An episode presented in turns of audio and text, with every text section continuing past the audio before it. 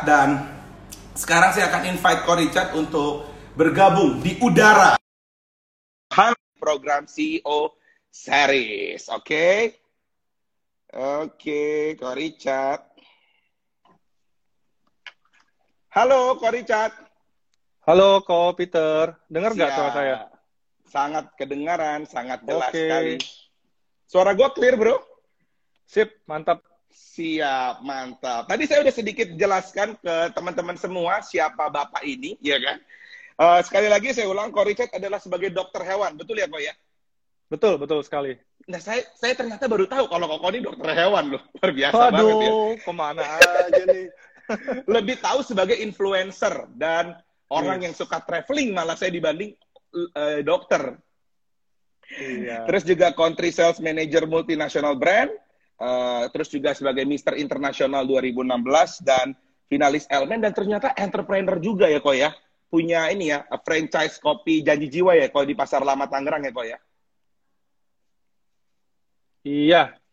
Jadi betul Wah. ada ada usaha kopi-kopian juga banyak banget kayaknya nih Koko nih satu paket lengkap nih kayak paketnya Ohana ya kok ya semuanya diambil sama Kok Richard ya bisa jadi nah, Richard, pasti paling banyak gini kok sekarang kan kita lagi uh, ada dampak ekonomi dari si COVID-19 ini Kok Richard tapi sebagai seorang uh, Kok Richard sebagai dokter influencer juga sebagai uh, orang yang profesional juga dan punya usaha juga paling simple pertanyaan saya pertama, gimana sih cara Richard bagi waktu sebagai seorang dokter, sebagai seorang profesional, entrepreneur, tapi juga influencer? Boleh dijawab, Pak Richard.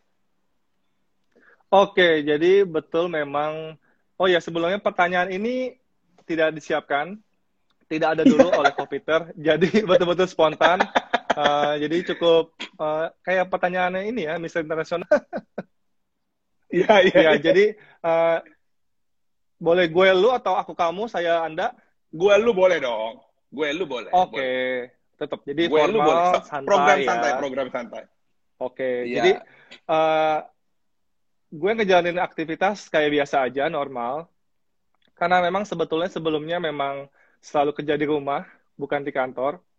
Tapi bedanya adalah dulu selalu dalam sebulan bisa tiga empat kali terbang lah jadi baik lokal maupun uh, internasional. Cuma memang saat ini kebanyakan lokal karena memang lagi pengen mem membesarkan bisnis di Indonesia. Kemudian cara membagi waktunya di COVID-19 ini tetap meeting banyak via Zoom, tapi uh, kebanyakan semua dilakukan virtual meeting. Jadi baik dengan customer, dengan tim, dan juga dengan distributor. Kemudian dengan usaha, usaha tetap buka, sebetulnya saya memang ada ada dua franchise kopi dan satu uh, toast, jadi rotinya gitu. Uh, itu di daerah mana kok boleh disebutin juga? Oh semuanya di kawasan Pasar Lama. Jadi okay. buat kalian yang nggak tahu itu di mana, itu di Provinsi Banten. Jadi gue memang tinggal di Tangsel. Nah kemudian memang usahanya juga tetap buka, tetap jalan, tapi hanya menerima take away atau di online business. Jadi semacam okay uh, Gojek atau GrabFood semua di sana. Jadi dan jadi di bersyukur puji Tuhan ya tetap, jalan. Tetap masih masih banyak kegiatan ya kok ya. Masih masih banyak kegiatan. Masih banyak. Kalau seperti dulu memang banyaknya kan di Skype meeting ya, tapi saat ini hmm. memang kebanyakan via Zoom. Zoom ya. meeting ya. itu like like every day. Kemudian juga ada webinar gitu. Uh, Oke. Okay. Hmm. Nah, kok Richard, sebagai seorang profesional yang lu kan sering keluar negeri nih ya kok ya, maksudnya sering ke uh, beberapa negara. Kalau pertanyaan gue, apa sih uh, pencapaian tertinggi lu yang bikin lu bangga sebagai seorang profesional gitu kok yang lu bisa sampaikan ke anak-anak muda yang lagi nonton kita hari ini? Pencapaian tertinggi kalau manusia berbicara tentang kepuasan memang tidak akan pernah puas ya. Tapi memang Betul. cara kita mensyukuri hidup, memuaskan hidup adalah dengan bersyukur gitu. Untuk saat ini sih tepatnya di umur 27 itu okay. udah mulai DP rumah, jadi udah mulai beli rumah di umur 27. Kalau kendaraan sih sudah lama. Itu kalau mm -hmm. itu patokannya sesuai dengan properti yang kita punya ya. Tapi itu juga salah satu bentuk kepuasan. Kemudian yang kedua sih, uh, yang pastinya setiap tahun bawa keluarga jalan. Itu salah satu wow. patokan saya. Patokan oh, gue. Pencapaian tertingginya traveling per, ya. Uh, bukannya ini ya kok ya? ini lagi di mana nih kok? ini sih di ini, ini ini di Gunung Papandayan ini udah, udah lama banget. gue pikir capaian tertingginya itu. Waduh. Oke oke. Iya. Tapi uh, memang betul betul bawa bawa Indonesia itu, bawa negara Indonesia. Betul betul. Nah, kok Richard, lu kan sebagai seorang eh, dokter yang punya gaya hidup sehat juga nih kok. Nah, ini kan kita lagi banyak dan dokter juga ya. Dan kita kan lagi ada eh, virus-virus inilah. Ada nggak sih kok tips dari lu gimana sih lu tetap jaga pola uh, hidup sehat lu? Apa aja sih yang lu lakukan? Ya, jadi yang paling penting terutama adalah selain pasti utamanya ada kebersihan ya. Otomatis lah itu jaga kebersihan, cuci tangan yang rajin, mandi juga. Sekalipun kamu kalian harus keluar gitu ya, pulang-pulang langsung mandi, jangan sentuh apa pun. Itu udah pasti ya. Tapi di, selain itu di balik itu yang paling penting ya. adalah menjaga supaya kita pikiran kita ini jangan stres. Itu kalau stres imun sistem oh, itu kita akan banget ya, ya, down. Ya? Betul, jadi harus cepat bahagia, hmm. harus bahagia, cepat balikin moodnya supaya bagus. Makan tetap dijaga, jangan terlalu diet banget. Yang mau diet sehat hmm. juga silakan, cuma jangan terlalu ketat. Pokoknya tetap stay happy lah, stay healthy, stay happy. Itu aja sih. Wow. Kalau untuk workout, mungkin Pak Peter ini juga biasa kan ngangkat-ngangkat Steger atau angkat-angkat uh, mungkin kan udah punya anak juga bisa ngangkat-ngangkat anaknya. Itu bisa dilakukan iya, iya, di mana pun iya, iya. di rumah. Jadi seperti itulah. Tapi sekarang lagi senangnya sepedaan ya kok ya? Betul lagi senang sepedaan. Sebetulnya dulu juga senang sepedaan banget sih. Dulu bedanya uh, aktivitasnya nggak pengen outdoor banget. Sekarang ini udah yang banyakkan outdoor deh Gitu. Oke, oke, Ko Richard, gue punya lima pertanyaan yang lu jawab secara singkat karena pertanyaan -hmm. ini akan mempengaruhi uh, pertanyaan gue ke depannya. Oh, oke. Okay. Oke, okay, oke okay, ya. Jawab ya kok ya dengan singkat tapi nggak usah mikir, cepet aja. Misalnya gue minta lu pilih uh, kopi atau teh, lu jawabnya ya kopi, cepet aja gitu. Oke? Okay? Mm -hmm. Yang pertama, gym atau kardio? Kardio. Kardio. Anjing atau burung? Anjing. Perkotaan atau pedesaan? Kota. Kota. Oke. Okay. Teh atau kopi? Kopi. Oke. Okay. Roti putih atau roti gandum? Roti putih. Roti putih.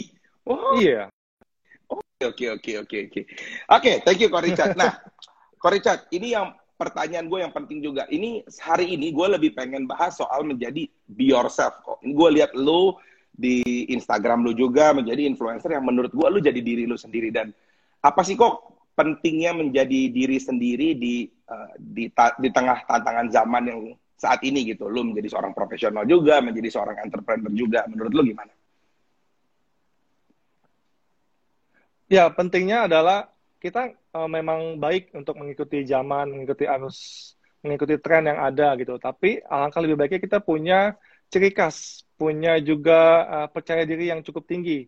Karena memang tantangan itu harus seimbang uh, dengan kepercayaan diri kita. Karena kalau memang ngomongin tentang tantangan, di luar sangat-sangat banyak. Kalau kita nggak kuat, nggak percaya diri, dan juga nggak punya keahlian khusus, maksudnya bukan masalah keahlian lu bisa main ini, bisa main itu, bukan. Tapi keahlian yang ada di dalam diri kita harus kita keluarkan. Nah, itu bisa menjawab tantangan yang ada. Gitu. Jadi hmm. percaya diri itu memang penting banget. Mm -mm. Dan tetap uh, lu juga merasakan bahwa ya gue tetap harus jadi diri gue, meskipun gue seorang dokter, lu seorang influencer, Betul. menjadi seorang entrepreneur. Itu penting banget buat lu ya, kok ya? Penting banget. Oke. Okay. Nah, sebagai seorang entrepreneur lu punya lu punya gue sering lihat di Instagram lu lu sering keluar kota atau bahkan keluar negeri nih kok. Tapi ada juga yang gue bilang gini gue tanya tanya tentang lu ke temen lu gitu kan yang temen gue juga. Uh. menurut dia itu lu orang yang sangat sayang sama keluarga. Nah ini kan iya. kita ini di program namanya Ohana nih kok. Ohana kan means family. Apa sih kok arti keluarga menurut seorang Richard? Keluarga keluarga adalah segalanya pasti juga semua punya definisi masing-masing. Kalian googling pun pasti Betul. juga tahu. Tapi keluarga adalah sesuatu yang tidak bisa jadi mantan. Jadi menurut saya uh, tidak ada mantan keluarnya itu adalah keluarga. Jadi kalau buat kalian yang tidak yang punya orang tua, sayangilah mama papanya, adik kakaknya. Bagi yang tidak ada pun tidak apa, sayangin kakaknya. Mungkin orang tuanya udah nggak ada ya. Bagi yang nggak ada pun juga mungkin hasilnya sih sama Tuhan ya. Ya, balik lagi. ya. Jadi memang keluarga adalah segalanya sih. Keluarga adalah segalanya buat lo ya bro ya. Berarti uh, kalau gue mau uh, iya, berikan betul. sedikit kesimpulan, uh, lu yang sekarang bisa sukses itu karena faktor dukungan dari keluarga juga. Pasti, pastinya itu doa orang tua adalah doa yang paling uh, ajaib, paling segalanya juga balik lagi. Karena memang ya, ya, uh, ya. kalau lu kan sering keluar kota, ya lu sering sesuatu yang ber... ya, sorry. Hmm. Betul, betul. Enggak, enggak apa-apa, enggak apa. Gimana? Oke, okay. misalnya apa sih kok kalimat atau kata yang gue punya nih, meskipun gue udah udah married, gue udah punya anak, ada satu kalimat orang tua yang gue nggak pernah lupa, yang dia selalu kasih tahu gue. Ada nggak sih kok satu kalimat uh, yang ini kayak kalimat ajaib, magic word yang selalu nyokap berikan buat lo gitu sebelum lo melakukan sesuatu atau lo mau start something, ada nggak sih kalimat itu? Kalimat, jadi kalau dibilang kalimat nyokap bokap tipikal orang yang lebih diem, tapi dia nunjukin segalanya gitu. Jadi kita memang cukup emosional, tapi bukan secara verbal, tapi lebih ke tindakan langsung. Tapi yang diingat uh, apa ya? Bisa dibilang sih, jika kalian, jika anak-anak maksudnya gitu ya, jika kamu uh, punya rezeki berlebih, itu bagus membantu sama. Tapi alangkah lebih baik adalah membantu orang terdekat di sekitarmu. Itu juga sama pahalanya, rezekinya, karena baiknya pun semua sama dengan membantu siapa pun. Jadi alangkah lebih wow. baik adalah membantu, mensupport siapa pun yang akan kalian dulu. Itulah yang paling saya ingat. Oke. Tadi gue udah tanya soal uh, entrepreneur dan segala macam. Sekarang gue mau tanya sebagai seorang influencer. Ini yang pasti juga banyak orang tanya lu kan banyak di endorse juga nih kok sama produk-produk kesehatan dan sport dan segala macam. Kalau misalnya ada orang hmm. nih, teman-teman yang nonton di sini, mau endorse Koricat, nah itu caranya gimana kok? Let's say caranya sih doang. Sebagai sebagai seorang influencer, bagaimana mengendorse bapak? Iya. Tinggal DM aja. Betul, tinggal DM aja. Biasanya kan juga pasti gue lihat lagi nih profilnya kayak gimana gitu. Karena memang sebetulnya banyak banget yang DM minta produk ini itu, endorse ini itu. Uh, jadi memang gue lihat pasti gue lihat dulu sih profil kayak apa, kayak gimana, sesuai apa enggak. Dan karena memang gue nggak gitu fokus juga ya di bidang sosial media, maksudnya di influencer gini. Jadi siapa pun yang memang cocok, yang fit sama kepribadian gue, pasti gue ambil. Atau memang kebetulan teman dekat, atau memang seseorang yang bagus lah yang baik dia punya usaha juga ya pasti akan gue bantu dan akan di endorsekan gitu. Oke, dan memang lebih banyak ke arah kesehatan dan olahraga itu banyak banget ya yang masuk ke Koricat ya kok jadinya ya kok ya? Iya banyak, banyak. Nah, kok ini kan kita udah mau masuk ke sesi-sesi akhir nih kok. Nah ini ada pertanyaan juga. Kalau kita kasih pertanyaan soal binatang peliharaan, boleh nggak kok? Karena kemarin aku mencoba menyebar quotation dengan judulnya aku. Dan mereka nih banyak juga tanya soal binatang peliharaan atau hewan peliharaan mereka. Ada nggak sih mm-hmm. kok tips? Karena nih teman-teman Ohana juga banyak yang punya binatang, kayak punya dogi gitu ya di rumah. Tips gimana sih kok pelihara eh pelihara binatang peliharaan supaya mereka nggak stres? Karena katanya banyak juga yang punya binatang peliharaan tapi mereka stres. Lalu sebagai dokter yang memang ahli di bidangnya ada nggak sih kok tips? Karena yang nonton ini nih juga banyak yang punya binatang peliharaan nih kok. Stresnya karena apa nih? Banyak. Nah, beda-beda juga tuh ya kok ya. Baik, karena kan sekarang gini kok, banyak juga iya. hewan peliharaan yang nggak boleh keluar nih kok. Jadi kan biasanya diajak jalan nih sore, kayak dogi nih misalnya. Dan sekarang kan hmm. mereka harus di rumah aja hmm. karena uh, yang punyanya juga mungkin nggak mau keluar. Nah itu gimana sih kok cara mengatasi si hewan peliharaan kita yang kayaknya agak stres nih kok main di rumah aja kayak dogi lah misalnya kayak gitu. Iya, jadi memang uh, pertama kita sebelum mengangkat anak, kita istilahnya anak ya, anak bu, iya. untuk misalnya kucing, anjing deh contohnya, atau ayam atau apa pun hewan, itu uh, pikirkan lagi niat kalian untuk um, punya anak-anak bulu ini gitu. Jadi jangan cuma karena lucu, karena pengen cuma gaya-gayaan doang, kemudian jadi punya gitu. Nah itu itu, itu banyak dulu, yang terjebak ke situ juga tuh ya. Betul, punya anak bulu ini kayak memang punya anak gitu loh. Nggak bisa kita cuma ngasih makan doang. Kita harus sayang, betul-betul harus ngasih waktu gitu. Nah sama halnya kayak dengan punya anak atau dengan kakak dengan adik, lagi WFH gini, lagi uh, pandemik gini, tetap kasih sayang tetap di rumah gitu. Ajak main karena mereka jangan diajak main, jangan diajak ngomong, itu pasti tidak akan stres juga. Nah, jadi memang lebih baik sih dari awal memang uh, diniatkan lagi kalau yang memang punya hewan, pengen punya hewan gitu. Kalau sudah memang jadi kayak binatang banyak banget kejadian pasti kayak, dia stres. Uh. Mm -mm. Oh binatang peliharaan gitu. itu juga penting ya kok diajak ngobrol ya kok ya dikasih oh, iya, waktu quality banget. time kayak gitu ya? Pastinya. Jadi ketika kalian udah uh, memutuskan untuk mengangkat mengadopsi anak-anak bulu ini anak kucing anjing apa pun itu hmm. itu pastikan betul-betul memang itu udah bagian dari kalian. Komitmen. Itu komitmen sepanjang hidup berdua. Jadi kayak oh. anjing kucing umurnya 15 tahun atau 12 betul-betul dijaga. Kalau enggak mendingan nggak usah gitu. Tapi kalau udah itu memang kejadian tapi jangan ditelantarkan iya. ya jadi harus Jadi di... menurut lo itu kalau hmm. kita memelihara uh, peliharaan uh, bahasa gua itu sama aja meng mengadopsi kayak mengadopsi anak ya kok ya? Oh betul betul banget. Betul Komitmennya. Banget. Komitmen komitmen okay. seumur hidup berdua. Oke. Oke, Kok Richard, lu kan orang mm -hmm. yang sering traveling nih. Jujur aja, selama COVID-19 ini kota mana sih yang paling lu kangenin? Atau negara mana yang lu paling kangenin? Dan abis ini berlalu dan udah ada new normal atau sudah ada normal yang kayak kemarin yang bener-bener gila nih gue mesti ke sini nih. Gila gue kangen banget nih. Karena kan kita di Tangerang Tangerang aja nih kebanyakan sekarang. Iya betul. Banyak sih banyak banget yang dikangenin gitu. Cuma khususnya memang, memang pengen dikangenin uh, yang ada dua sih yang peng paling dikangenin banget di Apa? luar ya, bukan yang lokal. Kalau lokal sih udah pasti sih Bali. Semua orang kangen banget sama Bali. Kayak Ohana kan juga banget, di, betul. Ohana kangen di Bali banget. juga kan lumayan gede ya. Aduh, kangen banget nah, kita ke Bali ya.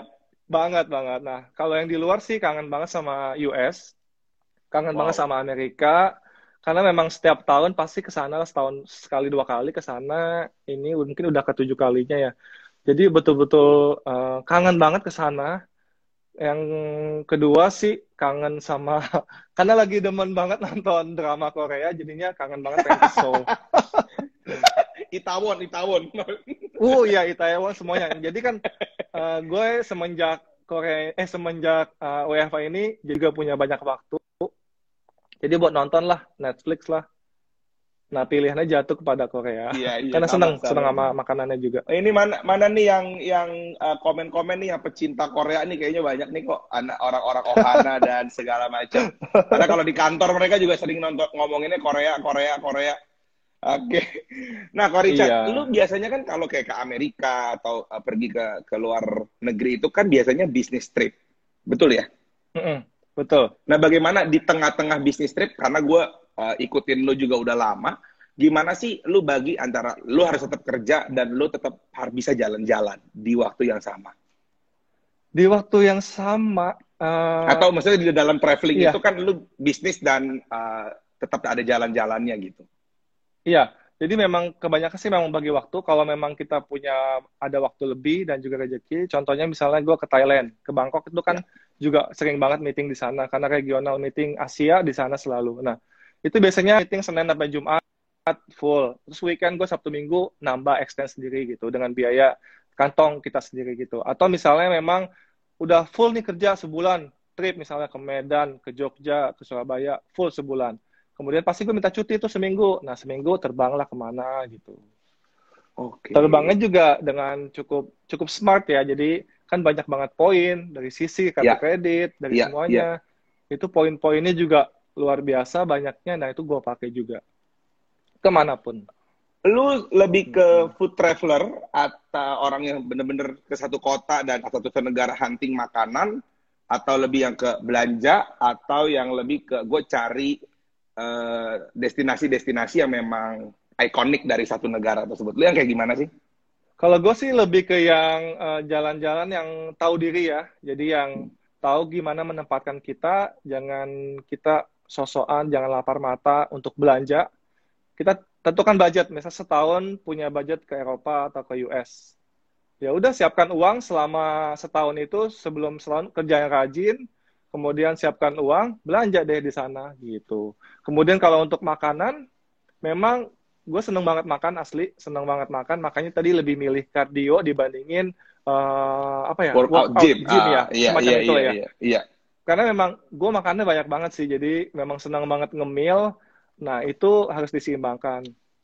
Nah kalau mengenai jalan-jalan juga lebih ke tipe jalan-jalan yang santai. Jadi nggak harus yang bangun pagi kayak ikutan trip ya, misalnya subuh yeah. jam 5 jam 6 udah bangun disiap dipanggilin sama tour leadernya nggak nggak suka kayak gitu jadi lebih santai jam 8 Berarti lu, lu sering seneng explore sendiri ya kok ya iya betul betul jadi kadang nyawa mobil di sana gitu oke biasanya sendiri atau lu biasanya ramean sama teman-teman lu sama teman-teman juga sama teman-teman sama, sama keluarga juga pasti ada setahun sekali dua kali kayak ini semenjak covid aja ada ada lima trip lah yang gagal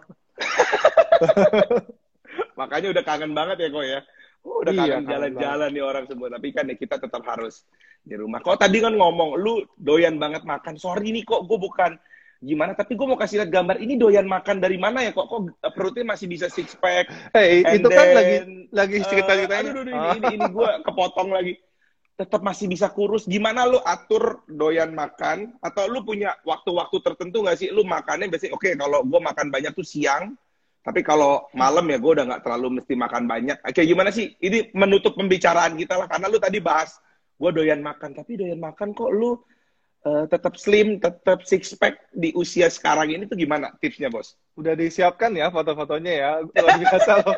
Bapak udah, CEO kita ini nih. Tim, uh, tim intelijen nih Pak soalnya. Wih, luar biasa Ohana nih di bawahnya Pak Peter uh, nih. Tapi ya, uh, jadi... banyak makan juga soalnya itu. Gimana Pak? Coba Pak.